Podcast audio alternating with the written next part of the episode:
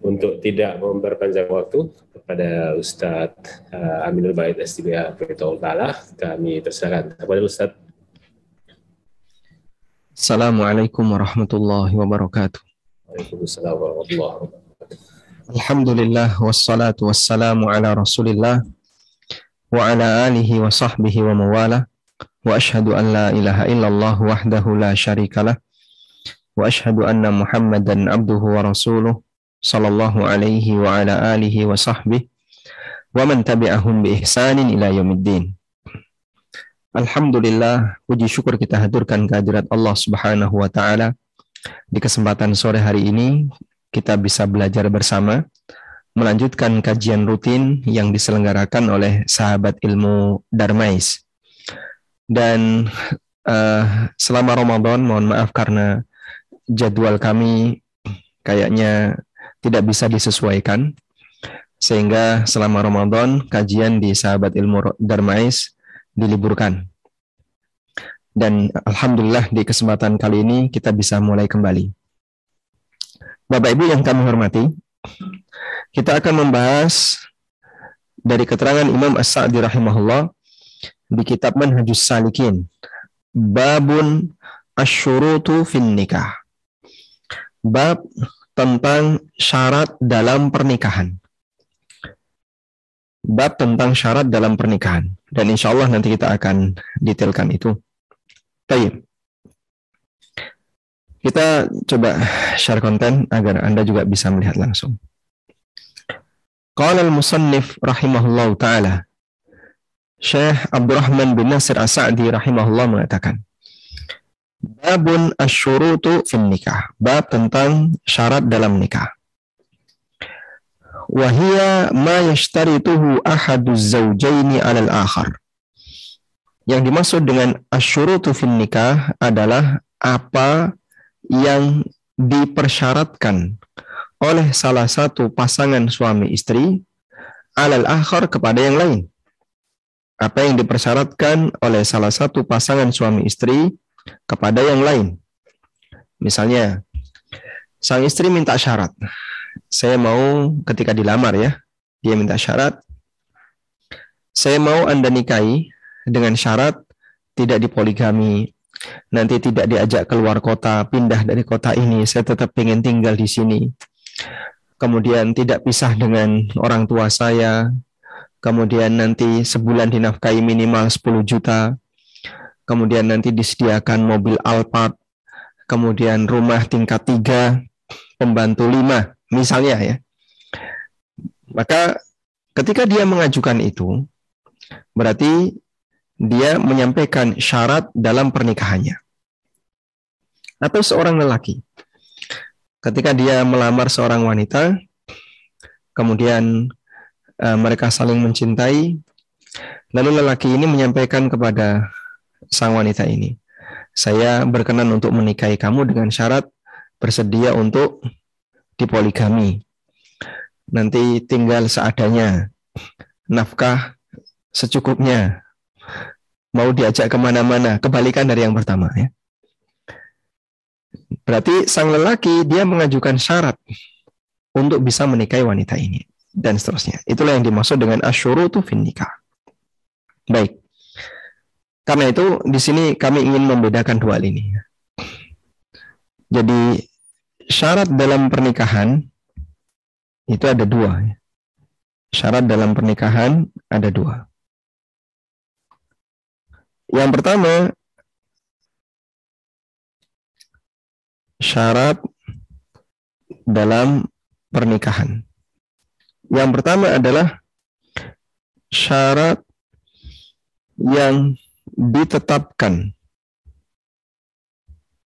syariat. Syarat yang ditetapkan oleh syariat. Sudah? Yang kedua, syarat yang diajukan. Syarat yang diajukan oleh pelaku akad.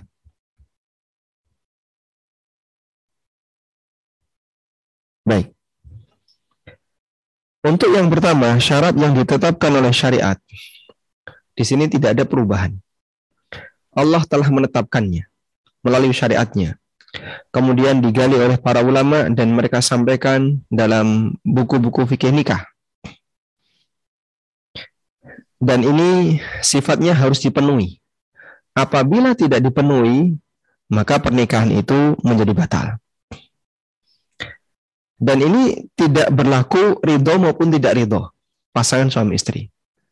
Karena mereka mau mau ridho dengan itu maupun tidak ridho tidak diperhitungkan. Sebab yang menetapkan adalah syariat. Sudah?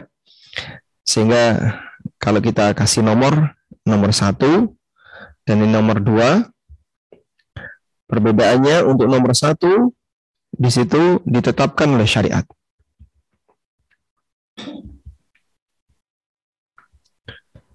Kemudian nomor di antara ketentuan nomor satu adalah uh, nikah batal jika dilanggar. Jika dilanggar. Dan di antaranya, di antara ketentuan yang lain adalah tidak mempertimbangkan tidak mempertimbangkan keridhaan keridhaan pelaku akad. Sehingga baik pihak suami maupun pihak istri ridho tidak diperhitungkan. Sebab syariat yang menetapkan bukan orang ini. Berbeda dengan yang nomor dua. Syarat yang diajukan oleh salah satu pelaku akad atau kedua pelaku akad. Maka di situ yang menetapkan pelaku akad. Yang menetapkan pelaku akad.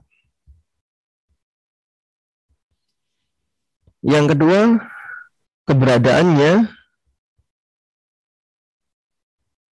bergantung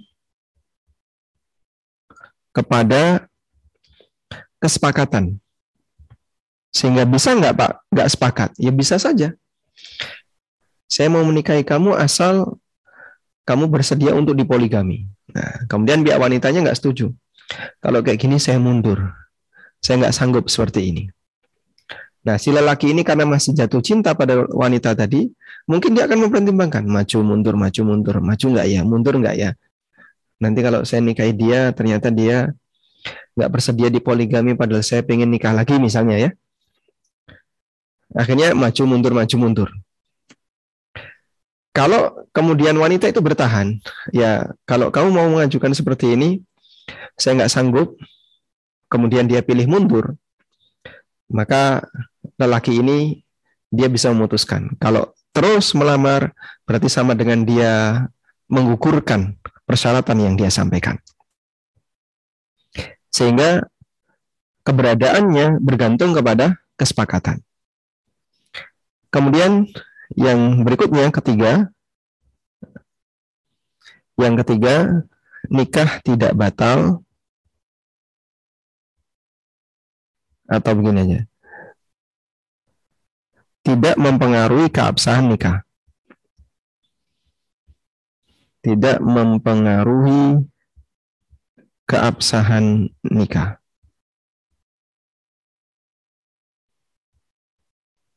Sehingga mau ada maupun tidak ada, nggak ngefek. Ini yang nomor dua.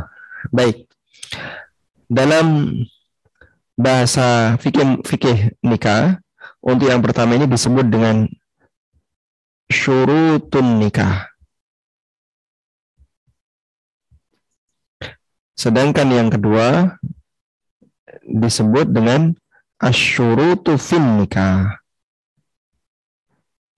Yang pertama disebut syurutun nikah, saya ulang tulisannya. yang kedua disebut asyurut fin nikah.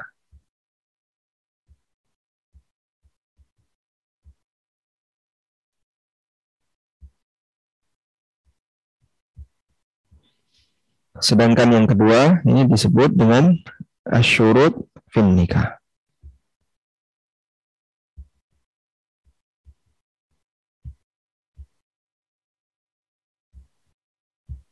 Baik. Yang pertama disebut syurutun nikah, yang kedua disebut asyurut fin nikah. Sudah? Nah, sekarang syurutun nikah. Syarat nikah itu apa saja? Yang ditetapkan oleh syariat. Kalau asyurut fin nikah apa saja? Ini tergantung keinginan pelaku akad. Dan nanti saya Sadi akan membahas itu. Kalau syurutun nikah apa saja? Syurutun nikah ada empat. Kita tulis di sini ya. Syarat sah nikah. Syarat sah nikah ada empat. Yang pertama, ya, di sini disebutkan, saya cantumkan keterangan yang ada di sini, bahwa untuk syarat nikah, yang pertama adalah ta'yinu zaujaini bil lafzi au bil isyarah menentukan pelaku akad. Menentukan pelaku akad. Yang disebut dengan ta'yin. Ta'yinu zaujaini bil lafzi au bil isyarah baik dengan lafat atau dengan isyarat. Misalnya, ada si A, saya pernah punya teman ya. Teman saya ini teman pondok. Uh, dia nikah dengan seorang akhwat. Dia punya saudara, akhwat ini punya saudara, salah satu perempuan. Semuanya dikasih nama Umi. Umi A, Umi B, Umi C gitu ya. Oleh bapaknya, semuanya anak perempuannya dikasih nama Umi.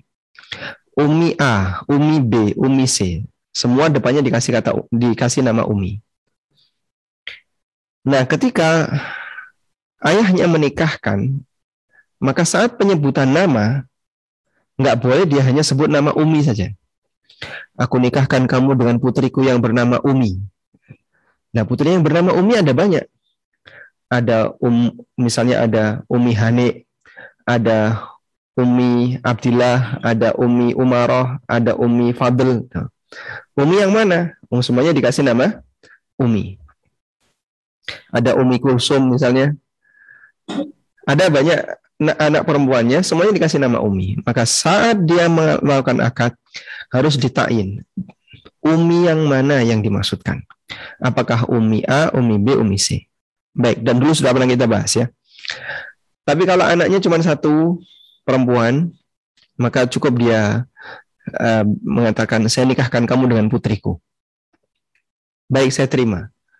Nah, dia cuma punya satu anak perempuan, yang lainnya laki-laki misalnya, nggak mungkin nyasar ke yang lain, karena yang lain bukan anaknya. Ada juga tetangga saya, rumahnya dari studio ANB ya kurang lebih 200 meter atau 300 meter. Beliau punya anak perempuan kembar tiga. Dan saat menikahkan ada dua putrinya dinikahkan bareng. Yang satu belum nikah. Bapaknya itu sampai sering salah nyebut nama anak. Sehingga manggil X padahal sebenarnya namanya Y. Tapi anaknya ini sudah sudah paham ya. Karena bapaknya sering bingung dengan tiga putrinya ini. Saat melakukan akad nikah itu hampir keliru hampir keliru. Sampai di depannya dikasih teks tulisan nama anaknya. Karena dalam waktu sehari dia itu menikahkan dua putrinya. Dengan A, dengan B, yang ini X dipasangkan dengan X, yang ini dipasangkan dengan Y. Dan saya jadi saksi waktu pernikahan dua putrinya ini. Itu sampai sempat mau salah. Ya. Akhirnya diingatkan kembali, kemudian dikasih tulisan.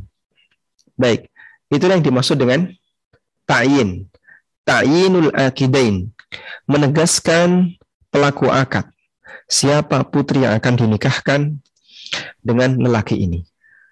Baik. Dari masalah ta'yin ada kasus tentang hukum salah nama atau salah penyebutan binti atau tanpa menyebutkan binti. Dan itu cukup sering pertanyaan semacam itu yang masuk ke kami. Pak, kemarin waktu saya akad nikah, bapak mertua saya tidak menyebutkan binti, cuma menyebutkan nama lengkapnya saja. Baik, sah atau tidak? Jawabannya sah. Loh kenapa? Karena kalaupun nggak nyebutkan binti, yang dituju ada di depan. Calon istrimu waktu itu di mana? Ya ada di tempat akad. Dan namanya ini. Orang yang namanya ini di tempat itu ada berapa? Cuman satu ya sudah. Tidak mungkin salah ke yang lain. Kan gitu ya. Intinya, selama tidak mungkin ada peluang salah ke yang lain, maka insya Allah itu sudah cukup disebut ta'yin. Karena takyin ya, yang namanya takyin menentukan siapa putri yang akan dinikahkan ini standarnya kembali ke uruf kembali kepada standar uruf yang berlaku di masyarakat. Wallahu alam. Kemudian yang kedua syarat yang kedua adalah ridha zaujain kerelaan kedua belah pihak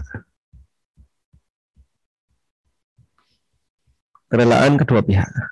Sehingga dalam akad nikah tidak boleh ada paksaan.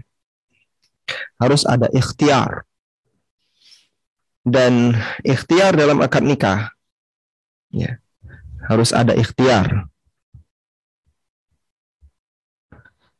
Ikhtiar itu artinya atas kerelaan pribadi. Dan ikhtiar dalam akad nikah itu rukun ikhtiar ada dua ya. Yang pertama, tidak dipaksa.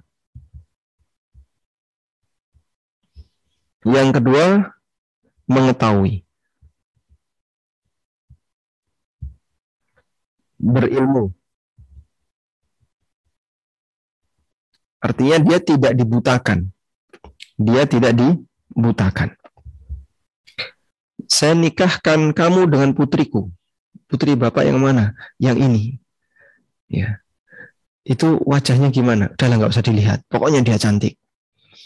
Yang benar pak, pokoknya saya jamin kamu pasti senang. Sehingga nggak pernah nabor. Ya. Dia nggak ngerti perempuan ini karakternya gimana dan seterusnya. Pokoknya kamu ikut saja ya. Saya punya anak perempuan. Saya nikahkan kamu dengan putriku. Baik pak, saya terima sudah sah sebagai akad. Padahal lelaki ini nggak pernah tahu tentang wanita ini. Maka berarti di situ tidak ada ilmu. Dan seperti ini maka tidak memenuhi rukun ikhtiar. Afwan, ini mungkin yang lebih tepat rukun ridho. Rukun ridho. Ya, tidak dipaksa artinya ikhtiar. Dan yang kedua adalah harus berilmu, mengetahui. Kalau dia tidak tahu nggak tahu wanitanya atau tidak tahu lelakinya, mau nggak kamu saya nikahkan dengan Fulan? Putrinya bersedia. Fulan seperti apa? Sudahlah, percaya saja sama bapak. Pokoknya nanti kamu pasti senang sama Fulan. Putrinya nggak ngerti. Nah, maka kerelaan tidak terwujud secara sempurna. Sebab rukun ridho itu ada dua. Yang pertama adalah al-ikhtiar dan yang kedua berilmu. Baik. Selanjutnya yang ketiga. Syarat nikah yang ketiga adalah adanya wali dari pihak wanita. Dan ini sudah pernah kita bahas. Ada wali dari pihak wanita. Sebab seorang muslimah tidak boleh menikahkan dirinya sendiri. Harus ada wali. Nabi SAW bersabda, La nikaha illa biwaliyin wa syahidai adlin.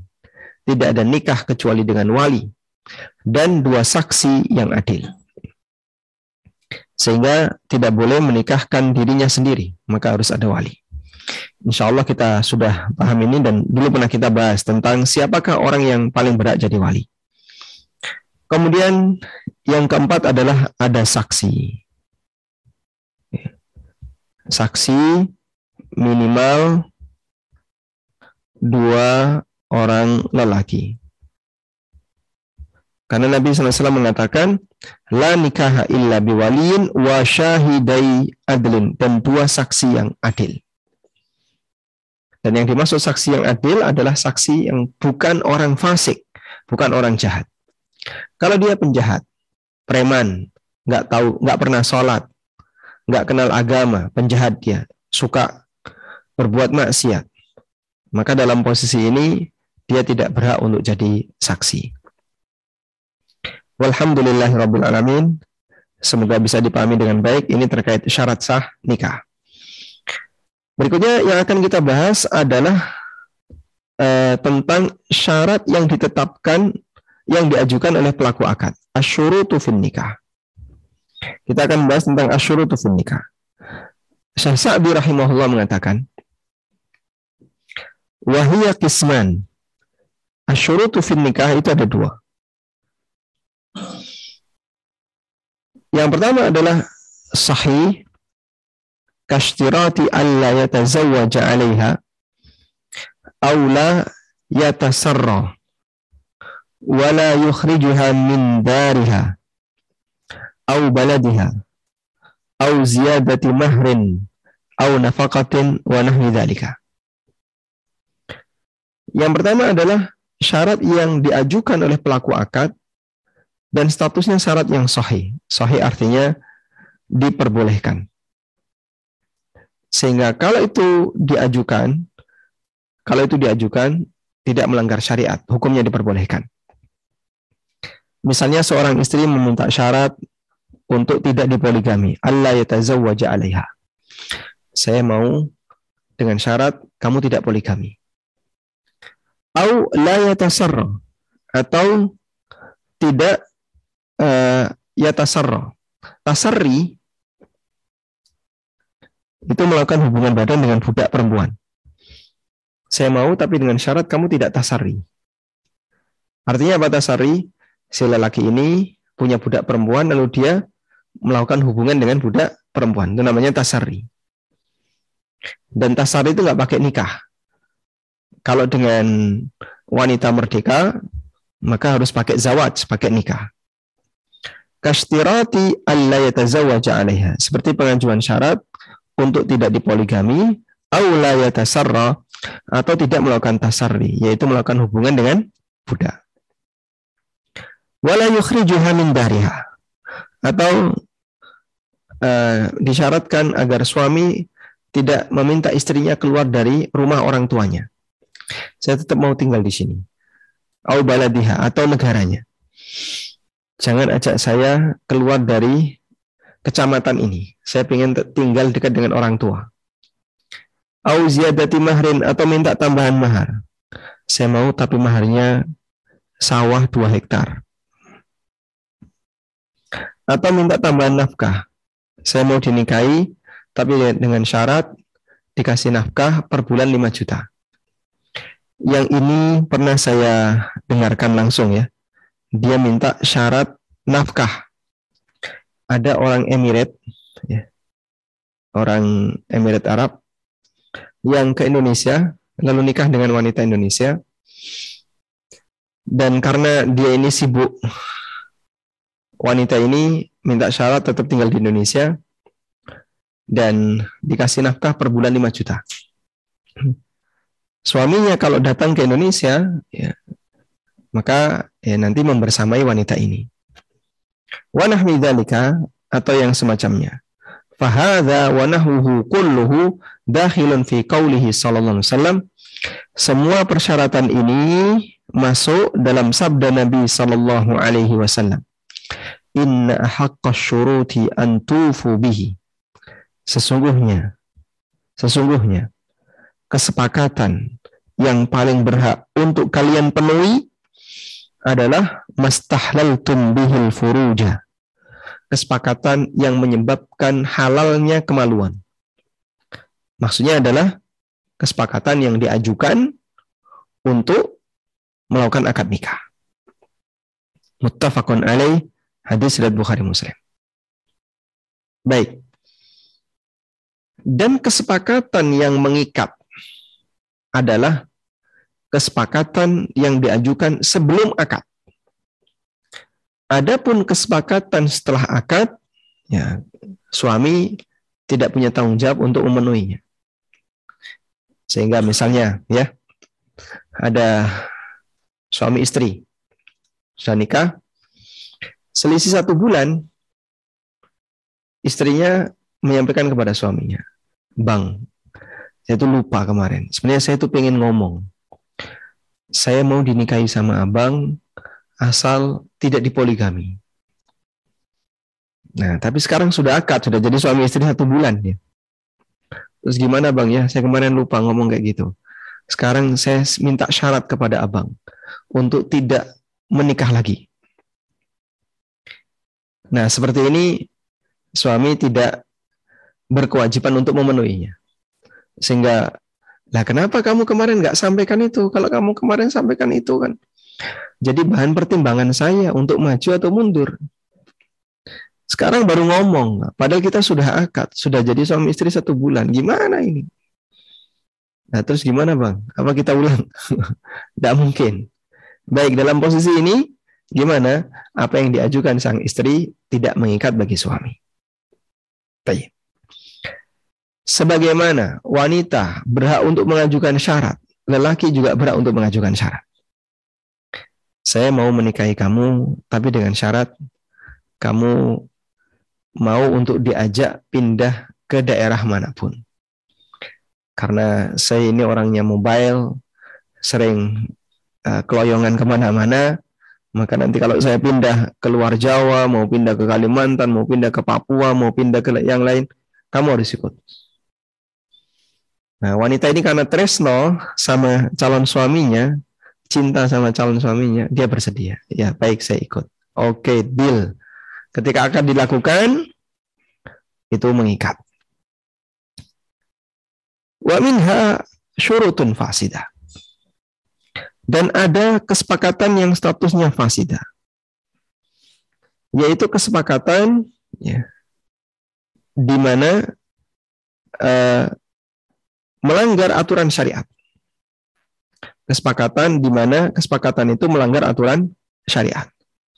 Nah, di sini disebutkan Contohnya adalah nikah mut'ah, nikah tahlil, dan nikah syughar. Nanti kita akan bahas itu ya. Baik. Kesepakatan semacam ini melanggar aturan syariat. Kesepakatan dalam akad nikah. Tadi ada yang dibolehkan. Dan yang kedua, dilarang. Kalau yang dilarang ini dilanggar, jika dilanggar, maka batal. Batal akad. Yang pertama, di antara contohnya, yang pertama adalah mut'ah. Mut'ah itu apa sih Pak? Muta itu apa? Kesepakatan kesepakatan dibatasi waktu. Kesepakatan nikah tapi dibatasi apa? Waktu. Kesepakatan nikah tapi dibatasi oleh waktu. Sehingga misalnya begini. Saya mau menikahi kamu dengan kesepakatan satu bulan sampai satu bulan. Terhitung dari tanggal ini sampai tanggal sekian. Nah, tertulis di situ. Dari tanggal sekian sampai tanggal sekian, jam sekian. Sudah deal. Nikah seperti ini namanya nikah mut'ah. Sehingga orang bisa nikah dengan batas waktu setahun. Bisa nikah dengan batas waktu sebulan, sepekan, sehari, sejam, dua jam. Ada orang nikah baik kita deal kesepakatan nikah, berapa jam ini? Dua jam. Dia melakukan hubungan badan, sudah dua jam setelah itu, dalam rentang waktu dua jam, bukan suami istri lagi. Sehingga harus persiapan. Persiapan misalnya, ini kurang lima menit, kurang lima menit. Ya. Kurang lima menit, mereka persiapan. Karena setelah itu mereka nggak boleh lihat aurat. Itu yang dilakukan oleh orang Syiah. sampai mereka itu ancang-ancang untuk persiapan. Begitu tet waktunya ini langsung tutup tutup pintu. Udah. Sekarang mereka sudah bercerai, bukan lagi suami istri. La haula wala quwata illa billah. Dan itu zina. Dan itu hakikatnya adalah zina. Hukumnya tidak diperbolehkan dalam Islam. Kemudian yang kedua ada nikah tahlil. Nikah tahlil itu kesepakatan pernikahan yang mengandung kesepakatan untuk um, diceraikan. Untuk cerai gitu aja. Untuk cerai agar bisa balik ke suami sebelumnya. Nah, nikah tahlil ini berlaku untuk wanita yang sudah diceraikan tiga kali. Ya. Sehingga misalnya di sini ada A, ya, menikah dengan B. Ya? Ini laki-laki, ini perempuan. Suami istri. Lalu A menjatuhkan cerai kepada B sudah tiga kali. Talak satu, talak dua, talak tiga. Tiga kali menjatuhkan cerai ke B. Sudah? Akhirnya mereka sudah bukan suami istri lagi. Kita tidak bahas teknis talaknya. Yang jelas si A sudah tiga kali menjatuhkan talak kepada B. Akhirnya A dan B berpisah. A dan B berpisah. Sehingga B sekarang jadi duda. Eh, jadi janda ya. B jadi janda. Kemudian A menghubungi C. C ini lelaki. Atau B dilamar oleh C. B dilamar oleh C. Nah, kemudian disyaratkan C, saya mau nikah dengan kamu, asal nanti kau ceraikan aku, setelah hubungan badan langsung ceraikan, sudah, agar aku bisa balik ke A. Atau A yang minta kepada C, wahai C, tolong kamu nikahi B, ya. Itu mantan istri saya. Kamu nikahi B. Nanti setelah hubungan badan kau kau ceraikan. Nah setelah dia selesai masa idah biar aku kebalik lagi nikahi dia. Nah nikah seperti ini disebut dengan apa? Nikah tahlil. Dan ini haram dalam Islam. Kemudian yang ketiga adalah nikah shigor Nah, nikah syigor ini pengajuan eh, kesepakatan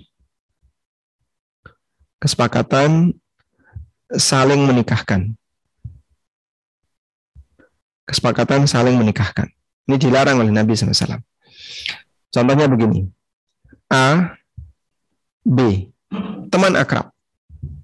A, B ini teman akrab.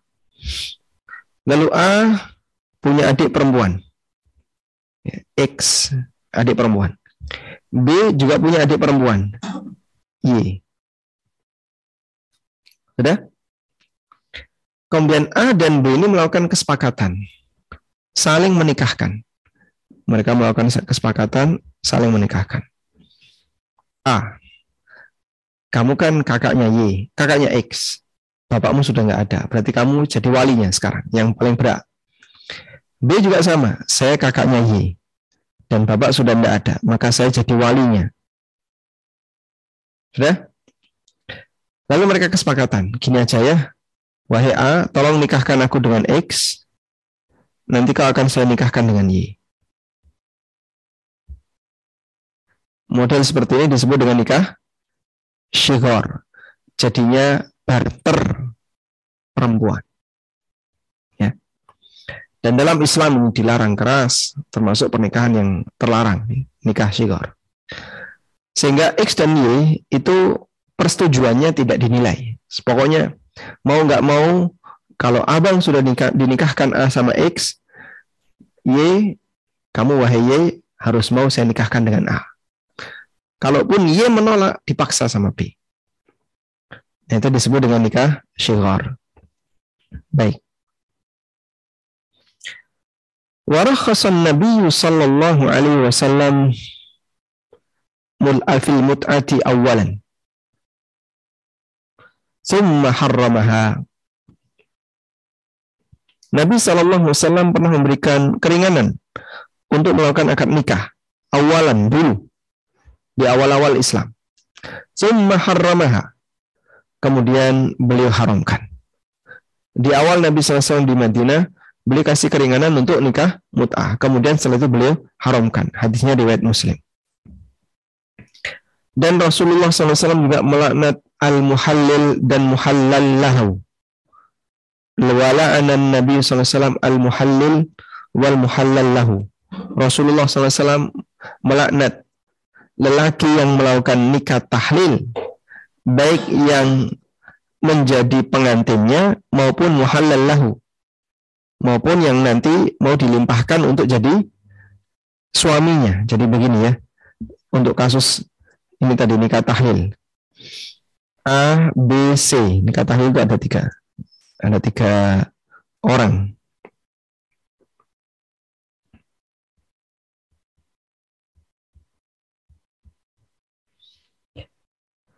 Sudah? A meminta kepada C, C tolong kamu nikahi B ya. Nanti kalau dia kalau sudah melakukan hubungan badan, kau ceraikan B. Ya? Nanti biar setelah selesai masa idah, aku bisa kembali lagi ke B. Maka C ini disebut muhallil. Al-muhallil. Sedangkan A ini disebut dengan al-muhallal lahu.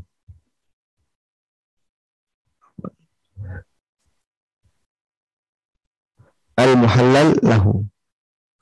A disebut C disebut muhallil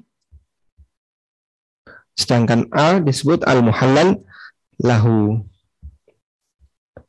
Baik. Kita lanjutkan. Wa naha an nikah syighar. Dan Nabi SAW juga melarang nikah syighar. Wa huwa ayyu zawwijahu mauliyatahu ala ayyu zawwijahu al-akhar mauliyatahu. Wala mahra bainahuma yaitu tadi silang silang akhwat tadi, silang perempuan. Jadi A mau menikahkan X dengan B dengan syarat Y B harus menikahkan A dengan Y. Ya, akhirnya mereka silang. Nah, seperti ini hukumnya haram dan kadang tanpa mahar. Yang penting pokoknya kesepakatan. Disebut dengan nikah syighar. Disebut dengan nikah syighar. Wallahu alam. Wa kulluha ahadithu sahihatun dan semuanya didukung berdasarkan hadis yang sahih. Walhamdulillahirabbil alamin. Baik. Kemudian ada satu bentuk pernikahan yang sebenarnya ini hukumnya diperbolehkan ya. uh, nikah misyar. Ada bentuk pernikahan yang disebut dengan nikah misyar. Apa itu nikah misyar? Nikah misyar adalah akad nikah di mana sang suami berencana untuk menceraikan istrinya setelah waktu tertentu. Misalnya, si A nikah dengan si B. Sudah selesai akad nikah, si A itu punya bayangan nanti kalau saya pulang kampung, si B akan saya cerai. Ya. Sehingga misalnya si A ini kerja ke pelosok Kalimantan atau pelosok Papua. Nah, sampai di sana dia lama nggak pulang-pulang, bisa sampai 3-4 bulan. Di rumah ada istrinya, ada anaknya. Lalu dia nikah dengan wanita setempat di tempat kerja. dia menikah dengan wanita setempat di tempat kerja. Sudah? Dalam hati si A, beliau punya bayangan kalau proyek sudah selesai dan saya pulang, maka akan saya ceraikan istri saya. Tapi dia nggak ngomong. Nah, model nikah seperti ini disebut dengan nikah al-misyar. Sekarang coba kita cari ya tentang hukum nikah al-misyar. Al-misyar.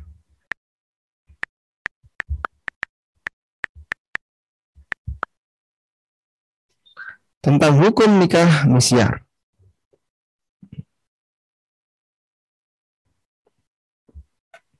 Ma hukmu zawajil misyar?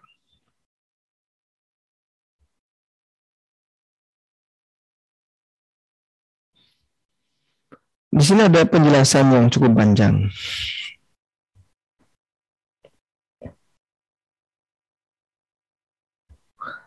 Dan kesimpulannya bahwasanya dalam nikah misyar itu hukumnya diperbolehkan karena di situ tidak ada pelanggaran aslinya. Apa enggak termasuk nikah mut'ah, Bapak? Jawabannya tidak. Apakah tidak termasuk nikah mut'ah? Jawabannya tidak. Kalau mut'ah itu kesepakatan. Saya nikahi kamu selama satu bulan. Oke, siap deal. Deal. Langsung dia nikah di depan apa penghulu. Ya. Kemudian dia menjadi suami istri selama satu bulan. Sedangkan kalau nikah misyar tidak ada kesepakatan itu. Tapi dalam batin suami nanti kalau saya pulang saya akan ceraikan wanita ini. Dan uh, model nikah semacam ini pendapat yang lebih kuat adalah hukumnya uh, diperbolehkan dan tidak melanggar aturan syariat meskipun dari sisi nasihat dan motivasi kita minta bahwa orang ketika menikah maka niatkan dalam rangka untuk membangun keluarga selamanya bukan batin akan meninggalkan menceraikan istrinya di rentang waktu tertentu. Wallahu alam. Coba di sini ada keterangan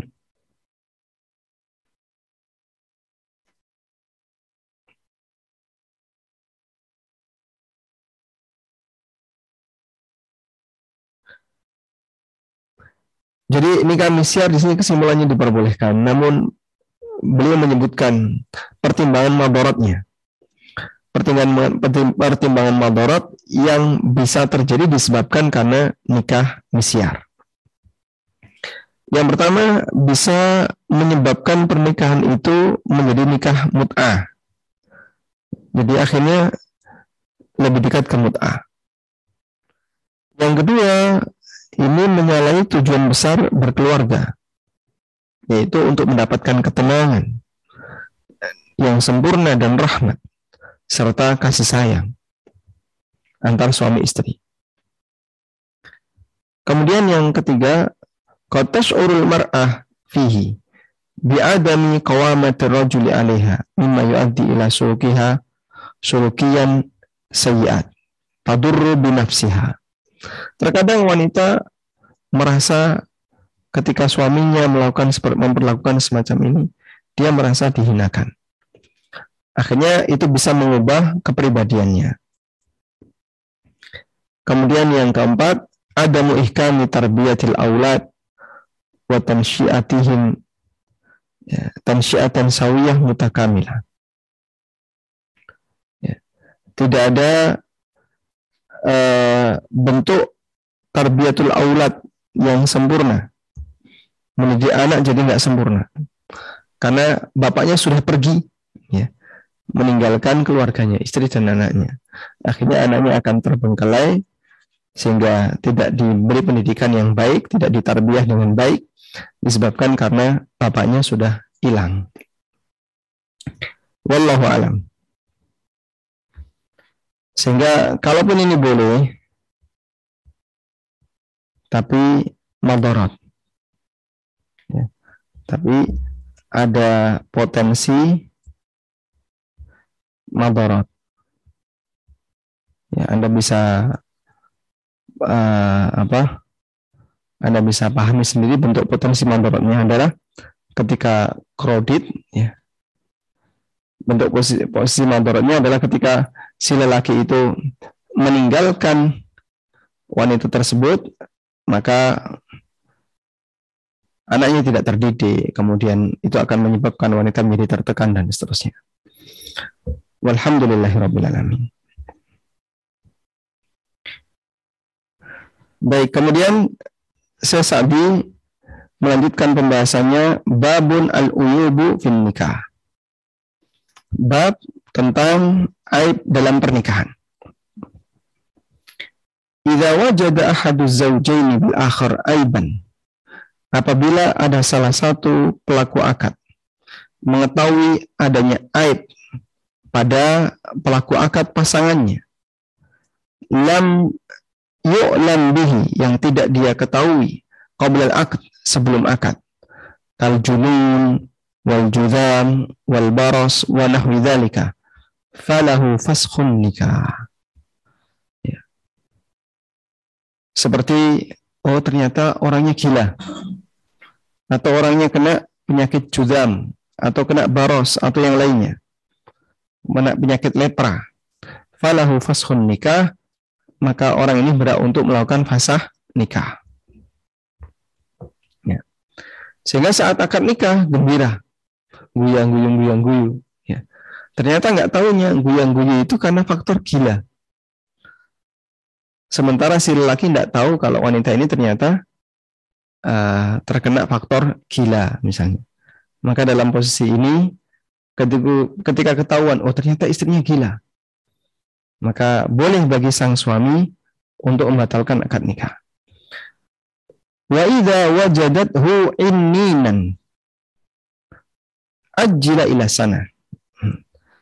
Kalau istri menjumpai suaminya dalam kondisi inin, impoten, ya, nggak bisa melakukan hubungan badan, sehingga tidak bisa memberikan nafkah batin. Nafkah lahir bisa, tapi tidak bisa memberikan nafkah batin. Ujila ila sanatin maka ditunggu selama satu tahun. Kenapa? Dalam rangka untuk uh, verifikasi. Ya, ini betul nggak?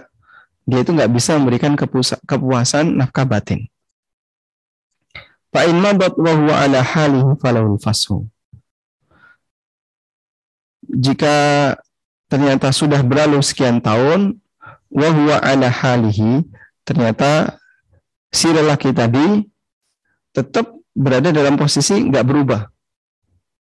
Ya, tetap inin. Ya. Important. Falahal fashu, maka dia berhak untuk mengajukan fasa. Wanita ini berhak untuk mengajukan fasa. Wa ini takut kulluha wa zawjuha raqiqun khuyira bainal maqami ma'hu wa firaqihi. Apabila budak lelaki dan budak perempuan menikah, jadi budak dengan budak sama-sama menikah. Lalu si budak perempuan dibebaskan. Si lelaki otomatis belum bebas, dia masih berada di dalam sebagai sebagai budak. Wa in utiqat kulluha wa zawjuha raqiqun. Apabila si wanita ini dibebaskan, sementara suaminya masih budak, khuyyirat bainal maqami ma'ahu wa firaqihi. Maka si budak dikasih pilihan antara tetap bertahan, ya, tetap bertahan bersama uh, apa? Tetap bertahan bersama lelaki ini, au firaqihi ataukah dia keluar atau dia berpisah. Ya. Ya kalau tidak mau, ya silahkan berpisah. Berdasarkan hadis Aisyah yang cukup panjang tentang kisah Baro. Barirah ini budak yang kemudian dibebaskan oleh Aisyah. Dan sebelumnya dia pernah menikah bersama salah seorang budak lelaki. Akhirnya ketika Barirah dimerdekakan, si budak lelaki itu namanya Mughis. Ya. Ketika Barira dimerdekakan, suaminya masih budak. Nah, Mugis itu saking cintanya kepada Bariro. Sampai ketika Bariro itu menolak untuk balik ke Mugis, ini gimana Bariro? Mugis berharap kamu. Tapi Bariro nggak mau. Sehingga ke mana pun Bariro jalan tuh diikuti sama Mugis. Ke mana pun Bariro jalan. Ketika Bariro mau mampir ke rumah siapa, Mugis ngikutin. Ketika Bariro mau ke pasar, Mugis ngikutin. Misalnya kalau ke pasar ya sehingga selalu ngikutin di belakangnya saking jatuh cintanya kepada Bariro dan itu sambil nangis. Si Mugi itu ngikuti Bariro sambil nangis. Maka disampaikan kepada Rasulullah SAW dan beliau mengatakan khuyyirat bariratu ala zawjiha hina utiqat. Barirah punya hak untuk balik ke suaminya hina utiqat apabila dia dibebaskan. Muttafaqun alaih hadis riwayat Bukhari Muslim. Baik. Wa idza waqa al-fashu qabla dukhul fala mahra. Apabila sudah terjadi perpisahan, perceraian sebelum hubungan badan, fala mahra, maka tidak ada mahar. Ya. Sehingga pihak suami tidak perlu bayar apa pun. Wa ba'dahu yastaqirru wa yarji'u az-zawj ala man gharrahu. Dan apabila terjadi perceraian, terjadi fasah, ba'dahu ay ba'dad dukhul, setelah terjadi hubungan badan, yastakir, ya, maka dia harus tahan dulu dan mengembalikan uh, wa yarji'u zauja ala gharrahu min gharrahu man gharrahu. Dan suami dikembalikan kepada man gharrahu alam.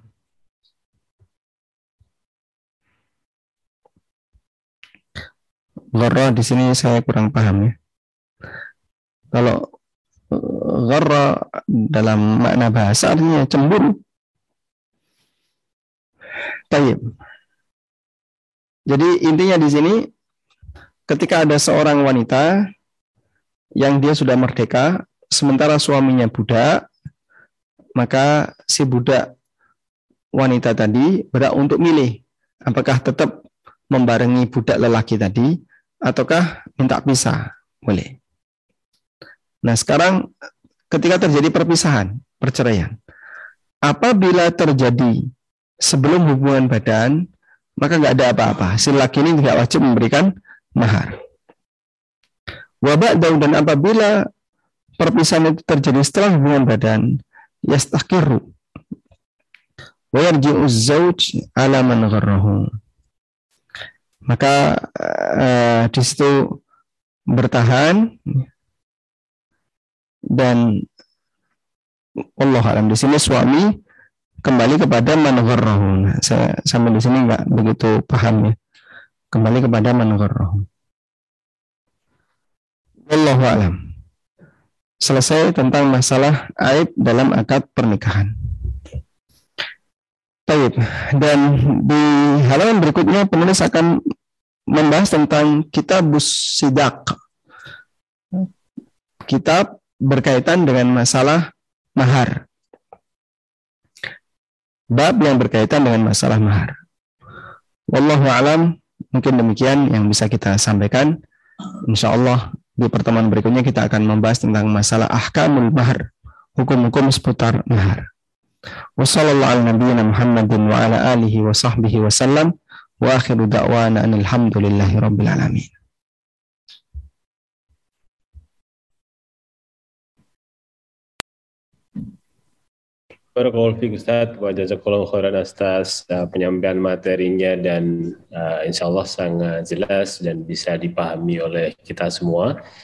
Baik, Bapak Ibu jamaah sampai teman dan mais rahimani wa rahimakumullah. Bagi yang baru bergabung bersama kita tadi barusan kita uh, bahas salah satu bab tentang syarat uh, pernikahan dari ya, kitab fikih keluarga, kitab Manhajus Salihin, Syekh Alalama Abdurrahman uh, Din Nasir Sa'di rahimahullah taala bersama Ustadz Aminul Bait dan uh, seperti biasa sesi selanjutnya insya Allah kita akan lanjutkan dengan beberapa uh, diskusi atau pertanyaan yang bisa disampaikan melalui kolom chat ataupun juga bisa dengan resen untuk bertanya langsung. Dan kesempatan pertama sudah ada beberapa penanya melalui resen. Kami persilahkan mohon uh, singkat dan diusahakan sesuai tema kepada Abu Muadz Muzajin uh, dari Jogja. Uh, Tafadol silahkan di unmute. Assalamualaikum warahmatullahi wabarakatuh. Waalaikumsalam warahmatullahi wabarakatuh. Jazakallah khair, uh, moderator. Ustadz mau nanya tentang uh, tadi uh, nikah misyar itu ya. Uh, tidak jelas itu hukumnya sebetulnya dia uh, ke mubah ataukah makruh ataukah sebetulnya eh, lebih condong ke haram gitu karena ada beberapa mudarat yang terdapat di dalamnya. Kemudian yang kedua uh, ada pernah anak apa uh, mendapatkan uh, satu uh, apa bahwa nafkah batin itu tidaklah seperti memberikan apa uh, apa ya uh, hubungan badan gitu semacam itu karena masuknya juga termasuk apa uh, bukan batin lagi tapi sebetulnya uh, ke arah nafkah lahir gitu karena yang uh, terkait dengan kenikmatan ragawi gitu. Kemudian yang mungkin termasuk itu batin itu adalah bimbingan seorang suami gitu uh, memberikan apa uh, apa uh, memberikan perlindungan kepada istrinya dan sebagainya itu. Jazakallahu khair. Assalamualaikum. Waalaikumsalam warahmatullahi wabarakatuh. Baik. Jadi tentang masalah nikah misyar.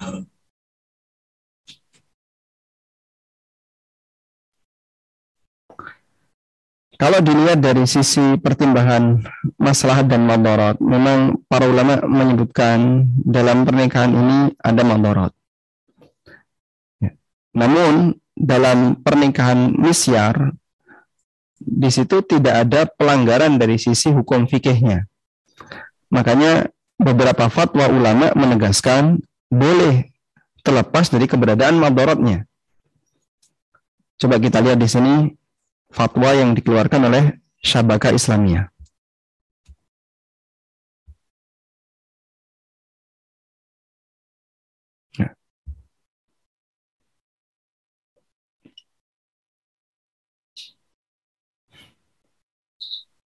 Di sini dinyatakan faida wujidan nikahu bihadhi syurut fahuwa sahih.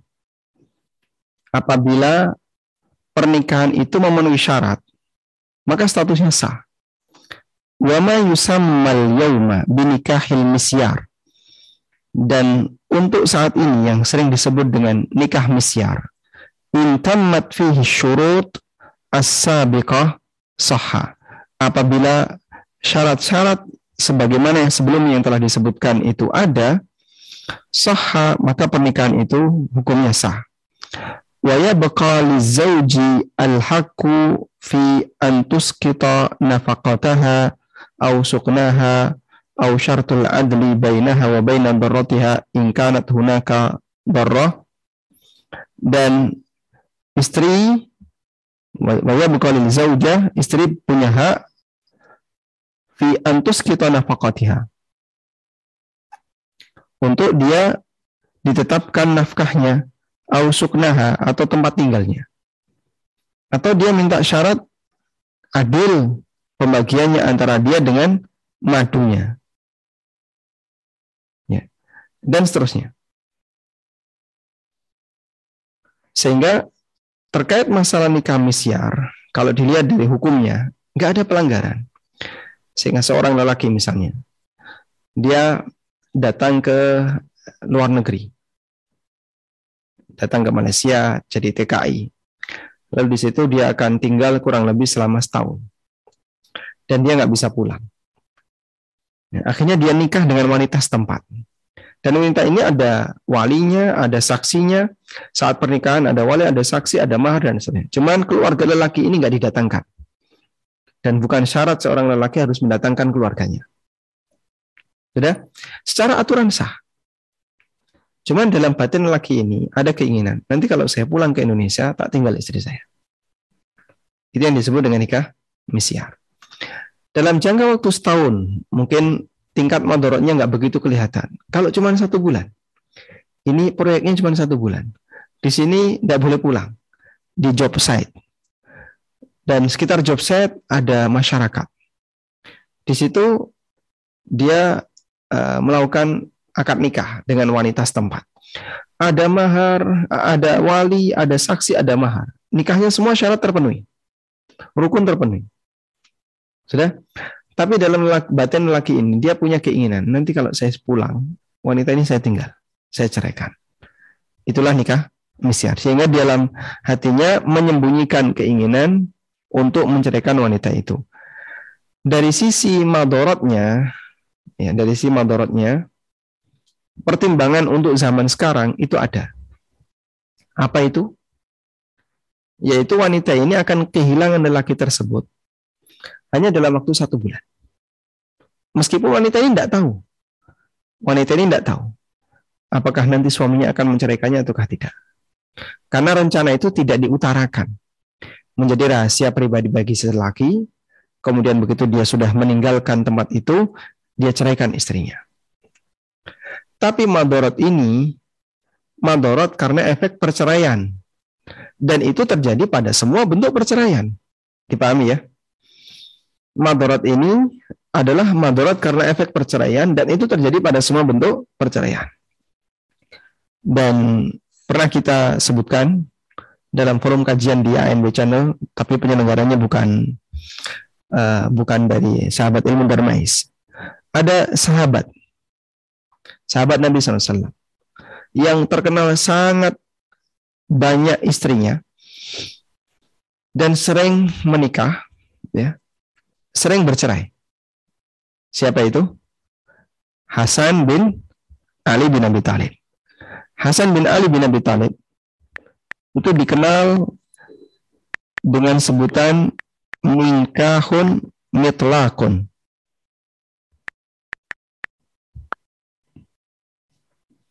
Al Hasan bin Ali bin Abi Thalib.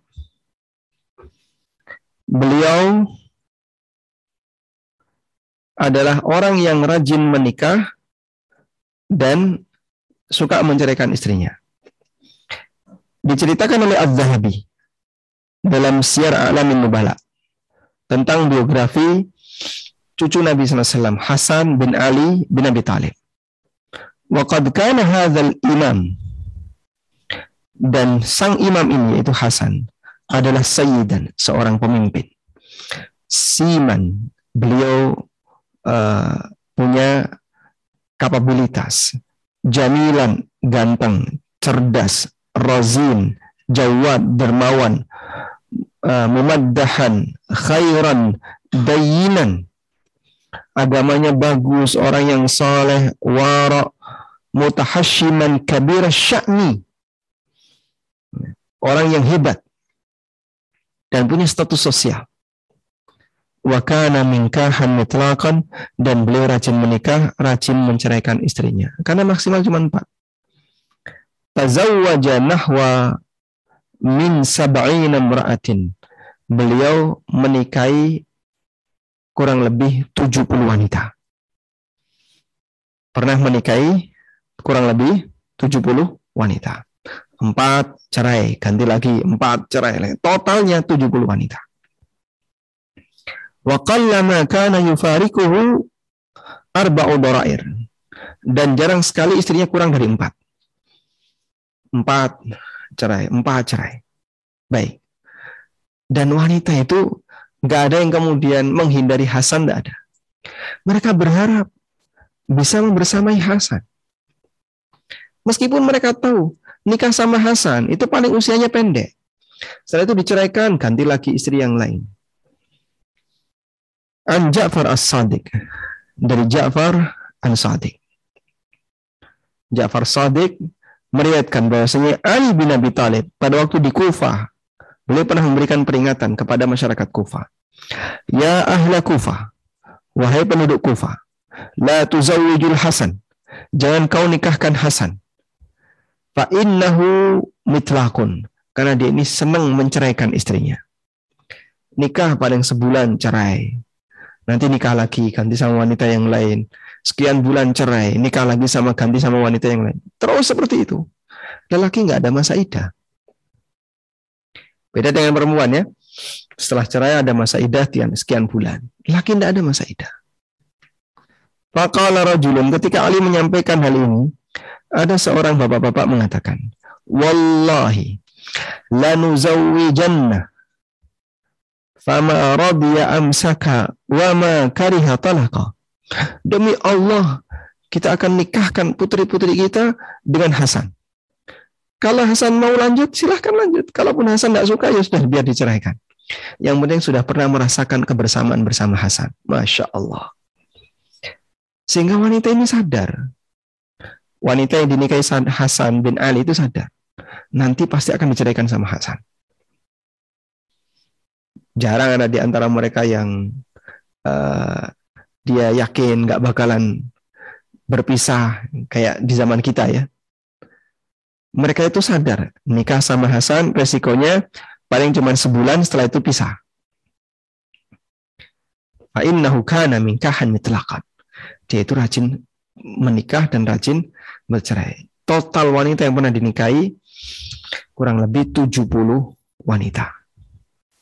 Baik, ada madorot nggak di situ? Kalau kita pakai pertimbangan, setiap perceraian pasti ada madorot. Maka di sini juga ada madorot. Tapi apa yang disampaikan di sini Az-Zahabi menyampaikan ini justru itu menunjukkan kelebihan Hasan bin Ali. Beliau itu orang yang hebat. Coba ya, kita lihat pemimpin, ya, cakep, gagah, ganteng, dermawan, soleh, warok, punya status sosial, ahlul bait, rozin, orangnya tegas, cerdas, dan aneka sifat-sifat yang lain. Wanita mana yang nggak kesemsem sama Hasan? Semuanya berharap bisa menikah dengan Hasan bin Ali. Meskipun hanya sebentar. Masya Allah. Dan itu bagian dari keistimewaan Hasan. radhiyallahu anhu. Karena itu terkait pembahasan masalah nikah misyar. Jadi kenapa para ulama eh, tidak mengatakan dengan tegas haram, tapi mereka lebih memberi, memberikan pertimbangan tentang masalah dampak baik dan buruknya, karena nggak ada pelanggaran dari sisi syar'i. Cuman mereka tidak merekomendasikan. Sebab nikah misyar itu ya pertimbangannya kasihan bagi wanita dinikahi dengan niat nanti sebulan terus dicerai. Padahal eh, mungkin nggak ada sebab apa pun cuman karena tugas sudah selesai kemudian tiba-tiba wanita itu diceraikan. Kasihan wanita ini. Mungkin hanya pertimbangan itu. Tapi pertimbangan mabarat itu tidak dilarang dalam uh, Islam karena seorang lelaki boleh menceraikan istrinya meskipun tanpa sebab. Wallahu alam. Baik. Kemudian terkait masalah nafkah batin tadi ya sebenarnya hubungan badan itu nafkah batin ataukah nafkah lahir? Tadi saya menyebut nafkah batin dan Anda nggak setuju, Anda lebih cenderung menyebut itu nafkah lahir. Sudah? Wa intinya mau disebut nafkah lahir maupun nafkah batin. Mau disebut sebagai nafkah lahir maupun nafkah batin, itu bagian dari hak yang harus dipenuhi bagi wanita. Bagian dari hak wanita yang harus dipenuhi oleh suaminya. Sudah? Karena itu ketika hak ini tidak ada, wanita diperbolehkan gugat cerai. Ketika hak itu tidak ditunaikan, maka wanita diperbolehkan untuk gugat cerai. Sehingga sampai lelaki yang dia melakukan ila. Ila itu apa? Bersumpah untuk tidak mendekati istrinya sampai lelaki yang mau melakukan ilak, yang melakukan ilak kepada istrinya, bersumpah untuk tidak mendekati istrinya. Ilak itu kan ada dua. Ilak bersumpah untuk tidak menceraikan istri. ada dua. Yang pertama tanpa batas. Yang kedua dengan batas. Misalnya dia bersumpah, demi Allah saya tidak akan mendekati istri saya selama satu bulan. Nah, maka itu ilah dengan dengan batas.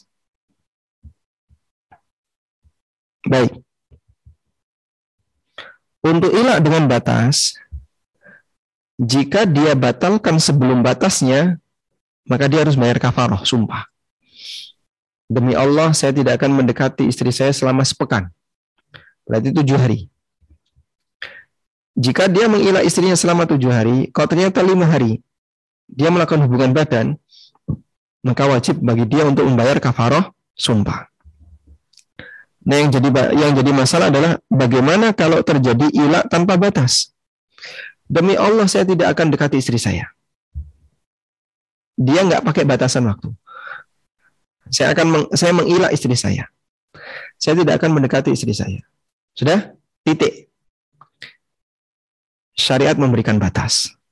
Allah Subhanahu wa taala berfirman dalam Al-Qur'an, "Lilladzina yu'lun" bagi orang-orang yang dia melakukan ilah. Tarabbusu dia melakukan ilah. Lilladzina yu'luna azwajahum bagi orang-orang yang melakukan ilah.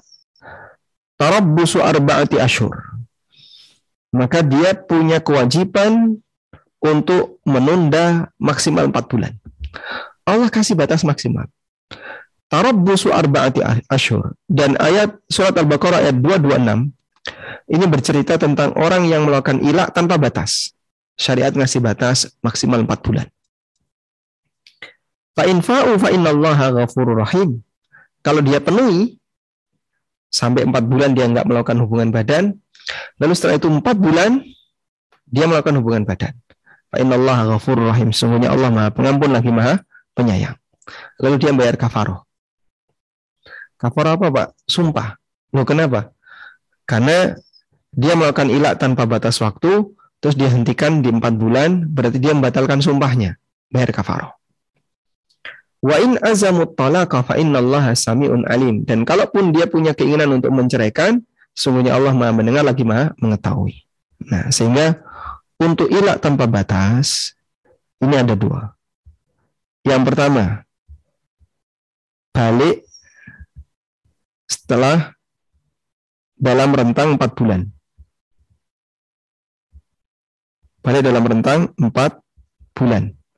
Maka ini nanti bayar kafaroh sumpah. Sudah? Atau pilihan yang kedua adalah dia ceraikan istrinya. Atau pilihan yang kedua, cerai. Nah, kalau cerai berarti kan sesuai dengan sumpahnya. Saya tidak akan mendekati istri saya. Akhirnya empat bulan nggak dia nggak mau balik, dibablaskan dibablas pisan ya. Dilanjutkan sekalian dilanjutkan sekalian dengan cara dia ceraikan istrinya. Maka di sini tidak ada kafaroh sumpah. Karena dia lanjutkan. Paham di sini? Sehingga orang yang melakukan ilah pada waktu sudah empat bulan, dia dikasih pilihan. Kau balik ke istrimu, dekati istrimu, lakukan hubungan badan, kalau dia tetap tidak mau, kalau begitu kau ceraikan istrimu. Sudah? Pilihannya di itu. Kalau dia balik ke istrinya, bayar kafarah sumpah, karena dia berarti membatalkan sumpahnya. Tapi kalau dia ceraikan istrinya, maka dia tidak perlu bayar kafarah sumpah. Dipahami? Ini salah satu di antara dalil bahwa suami tidak diperbolehkan membiarkan istrinya tanpa nafkah hubungan badan. Kecuali ketika uh, karena uzur dan mereka saling memahami, misalnya sudah lanjut usia, ya, sehingga tidak melakukan hubungan badan sampai sampai meninggal dunia. Misalnya orang tua yang sudah berusia 60-an ke atas, 70 ke atas, lihat istrinya sudah nggak berselera. Istrinya juga sudah nggak ada keinginan untuk melakukan itu. Syahwatnya sudah turun. Bahkan bisa jadi hampir tidak ada. Dalam posisi ini, kalaupun mereka tidak melakukan hubungan badan dan saling memahami, maka tidak ada dosa. Wallahu a'lam. Nah, apakah itu masuk nafkah lahir atau nafkah batin? Eh, bagi saya itu hanya istilah. Anda mau menyebut itu sebagai nafkah lahir dan nafkah batin karena itu istilah dalam bahasa kita. Kemudian, apakah ada kewajiban bagi sang suami untuk mendidik istrinya? Sehingga kita uh, mencantumkan nafkah batin adalah nafkah pendidikan. Wallahu alam, saya tidak pernah mengetahui keterangan tentang itu. Yang jelas bahwa kewajiban memberikan pendidikan itu dibebankan kepada orang tua. Dibebankan kepada orang tua dan kepala rumah tangga secara umum melalui firman Allah Ta'ala, Ku anfusakum wa ahlikum naro. Jagalah dirimu dan keluargamu dari neraka. Meskipun kalau misalnya istrinya tetap tidak melakukan perubahan sama sekali, suami tidak dihukumi berdosa. Dengan dalil seorang muslim boleh menikahi ahli kitab. Wanita ahli kitab. Dan andaikan wanita ahli kitab ini menjadi si istri dari sang muslim tadi sampai meninggal dunia, tetap ahli kitab sehingga dia mati kafir. Sang suami tidak dituntut gara-gara istrinya kafir karena diizinkan oleh syariat. Baik. Karena itu perintahku anfusakum wa ahlikum nara apakah itu masuk sebagai bagian dari nafkah? Anda mau sebut nafkah ataukah itu sifatnya kewajiban tambahan yang harus ditunaikan oleh kepala rumah tangga, la masyahata fil istilah. Tidak ada uh, apa, tidak perlu diperdebatkan dalam masalah istilah. Wallahu alam. Nah, Ustaz Barakallah atas uh, jawabannya, insya Allah, dan mudah-mudahan bisa dipahami oleh penanya dan kita semua. Masih uh, ada kesempatan, uh, sudah ada salah satu lagi jemaah kita yang udah res, yang ingin bertanya langsung. Kami persilahkan uh, Bintu Royroh dari London. Tafadhol, silahkan di unmute. Sekali lagi, silahkan di unmute uh, jemaah kita. Bintu Royroh. Ya. Alhamdulillah. Jazakallah kasiron. Assalamualaikum warahmatullahi wabarakatuh Ustaz. Waalaikumsalam warahmatullahi wabarakatuh. Jazakallah kan kasiron atas ilmunya sangat bermanfaat. Semoga menjadi amal jariah, berpahala jariah buat Ustadz sekeluarga. Amin. Amin ya Rabbal Alamin. Uh, Ahwan Uzat, uh, anak tertinggal catatan mengenai kisah Bariroh uh, untuk bagian yang pertama yang tadi uh, mengenai bila terjadi perpisahan sebelum terjadi hubungan badan, uh, tadi maharnya tidak perlu dibayarkan atau bagaimana Ustadz? Apakah kalau terjadi pernikahan memang suami uh, atau istri harus mengembalikan mahar? Nah ini untuk yang ininya bagian ininya juga anak tidak paham kalau terjadi pernikahan apakah harus mengembalikan mahar. Mohon dijelaskan sekali lagi bila berkenan Ustadz. Jazakallah khair kasiron. Assalamualaikum warahmatullahi wabarakatuh. Waalaikumsalam warahmatullahi wabarakatuh. Baik, kami ulang ya. Jadi tolong bedakan kasus Barirah dengan kasus mahar tadi. Jadi untuk kasus Barirah ini berkaitan dengan apa hukumnya ketika ada seorang wanita yang menikah dengan lelaki dan dua-duanya budak. Lalu si wanita ini dimerdekakan sementara si lelaki masih berstatus sebagai budak. Maka bolehkah wanita ini gugat cerai, minta untuk berpisah dengan suaminya? Jawabannya diperbolehkan. Sehingga wanita ini khuyyirat bainal maqami ma'ahu wa firaqihi. Dia dikasih pilihan, boleh tetap membersamai suaminya, boleh juga berpisah dengan suaminya karena saya sudah merdeka, suami saya masih muda, ya sudah kita pisah aja. Bukan lagi suami istri. Itu diperbolehkan. Sudah? Nah, kemudian pembahasan tentang masalah fasah dan mahar. Nah, ini pembahasan umum. Jadi untuk semua kasus perpisahan dan perceraian dan hubungannya dengan mahar. Apabila terjadi fasah, apabila terjadi fasah ya, pemutusan hubungan nikah sementara dilakukan sebelum hubungan badan. Ya, fasa itu dilakukan sebelum hubungan badan. Misalnya, akan nikah pagi tadi. Sudah? Sore ini menjelang malam pertama, baru ketahuan. Oh, ternyata suami saya LGBT. Nah, saya baru ketahuan. Kok kayaknya dia ngelirik lelaki terus. Ya. Kalau sama lelaki ada hasrat. Sama istrinya yang sudah baru saja akan nikah, kayaknya biasa-biasa saja. Baru ketahuan. Akhirnya wanita ini merasa nggak nyaman. Ya, ternyata memang benar si suaminya ini LGBT. Setelah dicek melalui internet, oh dia masuk dalam keanggotaan LGBT, komplotan LGBT ada nama dia di situ. Akhirnya si wanita ini merasa kecewa. Langsung dia melakukan fasa. Langsung dia melakukan fasa. Ketika dia melakukan fasah, maka belum terjadi hubungan badan, Fala mahra, lelaki ini tidak berkewajiban untuk ngasih mahar ke si wanita tersebut. Wa ba'dahu, tapi kalau sudah terjadi hubungan badan, yastakiru, maka maharnya tetap bertahan di wanita, nggak perlu dikembalikan. Wallahu a'lam. Nah. Alhamdulillah, barakallahu fikin insyaallah bisa dipahami dan jelas uh, mudah-mudahan untuk kita semua.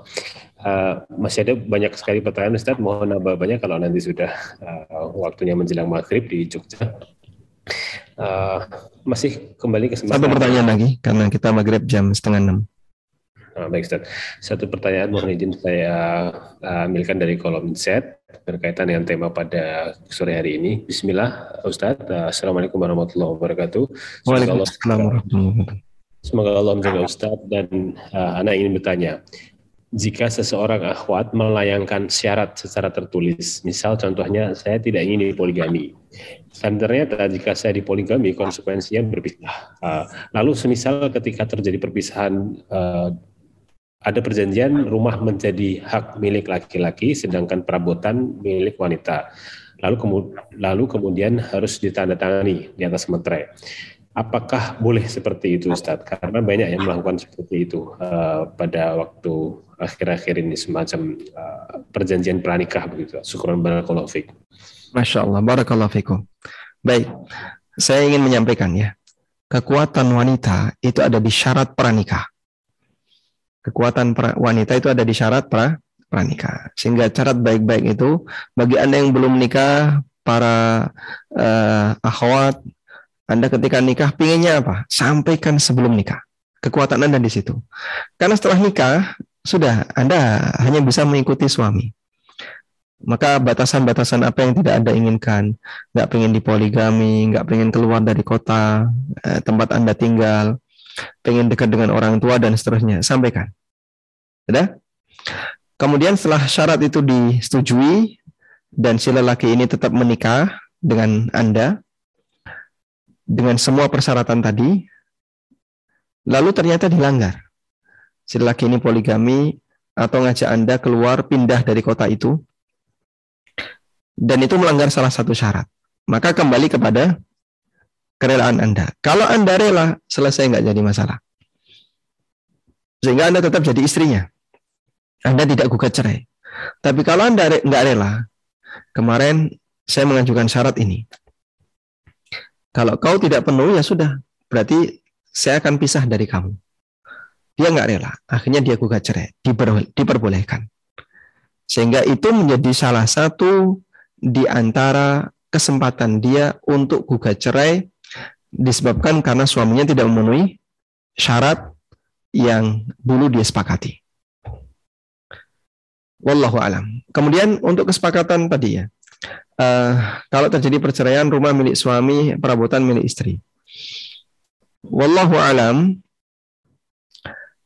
Jika terjadi perceraian yang lebih tepat adalah hartanya dikembalikan kepada masing-masing. Sehingga rumah ini yang mengadakan siapa? Suami atau istri? Istri ya sudah itu jadi milik istri. Dulu pengadaan rumah ini istri, tanahnya tanah istri. Kalau gabungan Pak, tanah warisan istri, bangunan, duitnya suami. Ya berarti nanti milik bersama, jadi harta mustarok, harta milik bersama. Dan kalau itu jadi harta mustarok, ya nanti dibagi sesuai kesepakatan.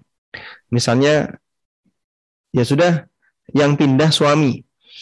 Istri bayari, ganti. Kemarin bangunan ini nilainya berapa? Dibayar, diganti. Sehingga selanjutnya jadi milik istri 100%. Atau sebaliknya, istri yang pindah. Nanti suami yang bayari tanah yang dipakai untuk bangunan tersebut. Intinya demikian. Nah untuk eh, perabotan jadi milik istri secara otomatis padahal itu yang membelikan suami. Wallahu alam kami eh, tidak mengetahui tentang masalah keterangan tentang masalah ini. Mungkin saya butuh belajar terlebih dahulu tentang masalah persyaratan perceraian. Ini kan persyaratan perceraian, bukan persyaratan akad nikah. Kalau cerai, perabotan jadi milik istri, rumah jadi milik suami. Ini persyaratan perceraian. Saya tidak tahu ya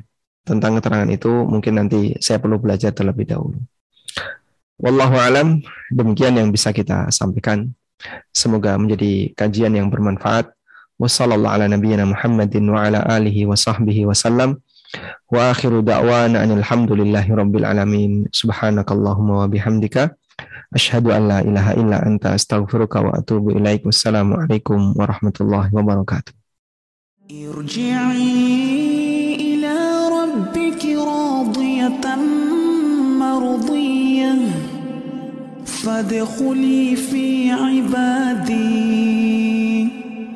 وادخلي جنتي.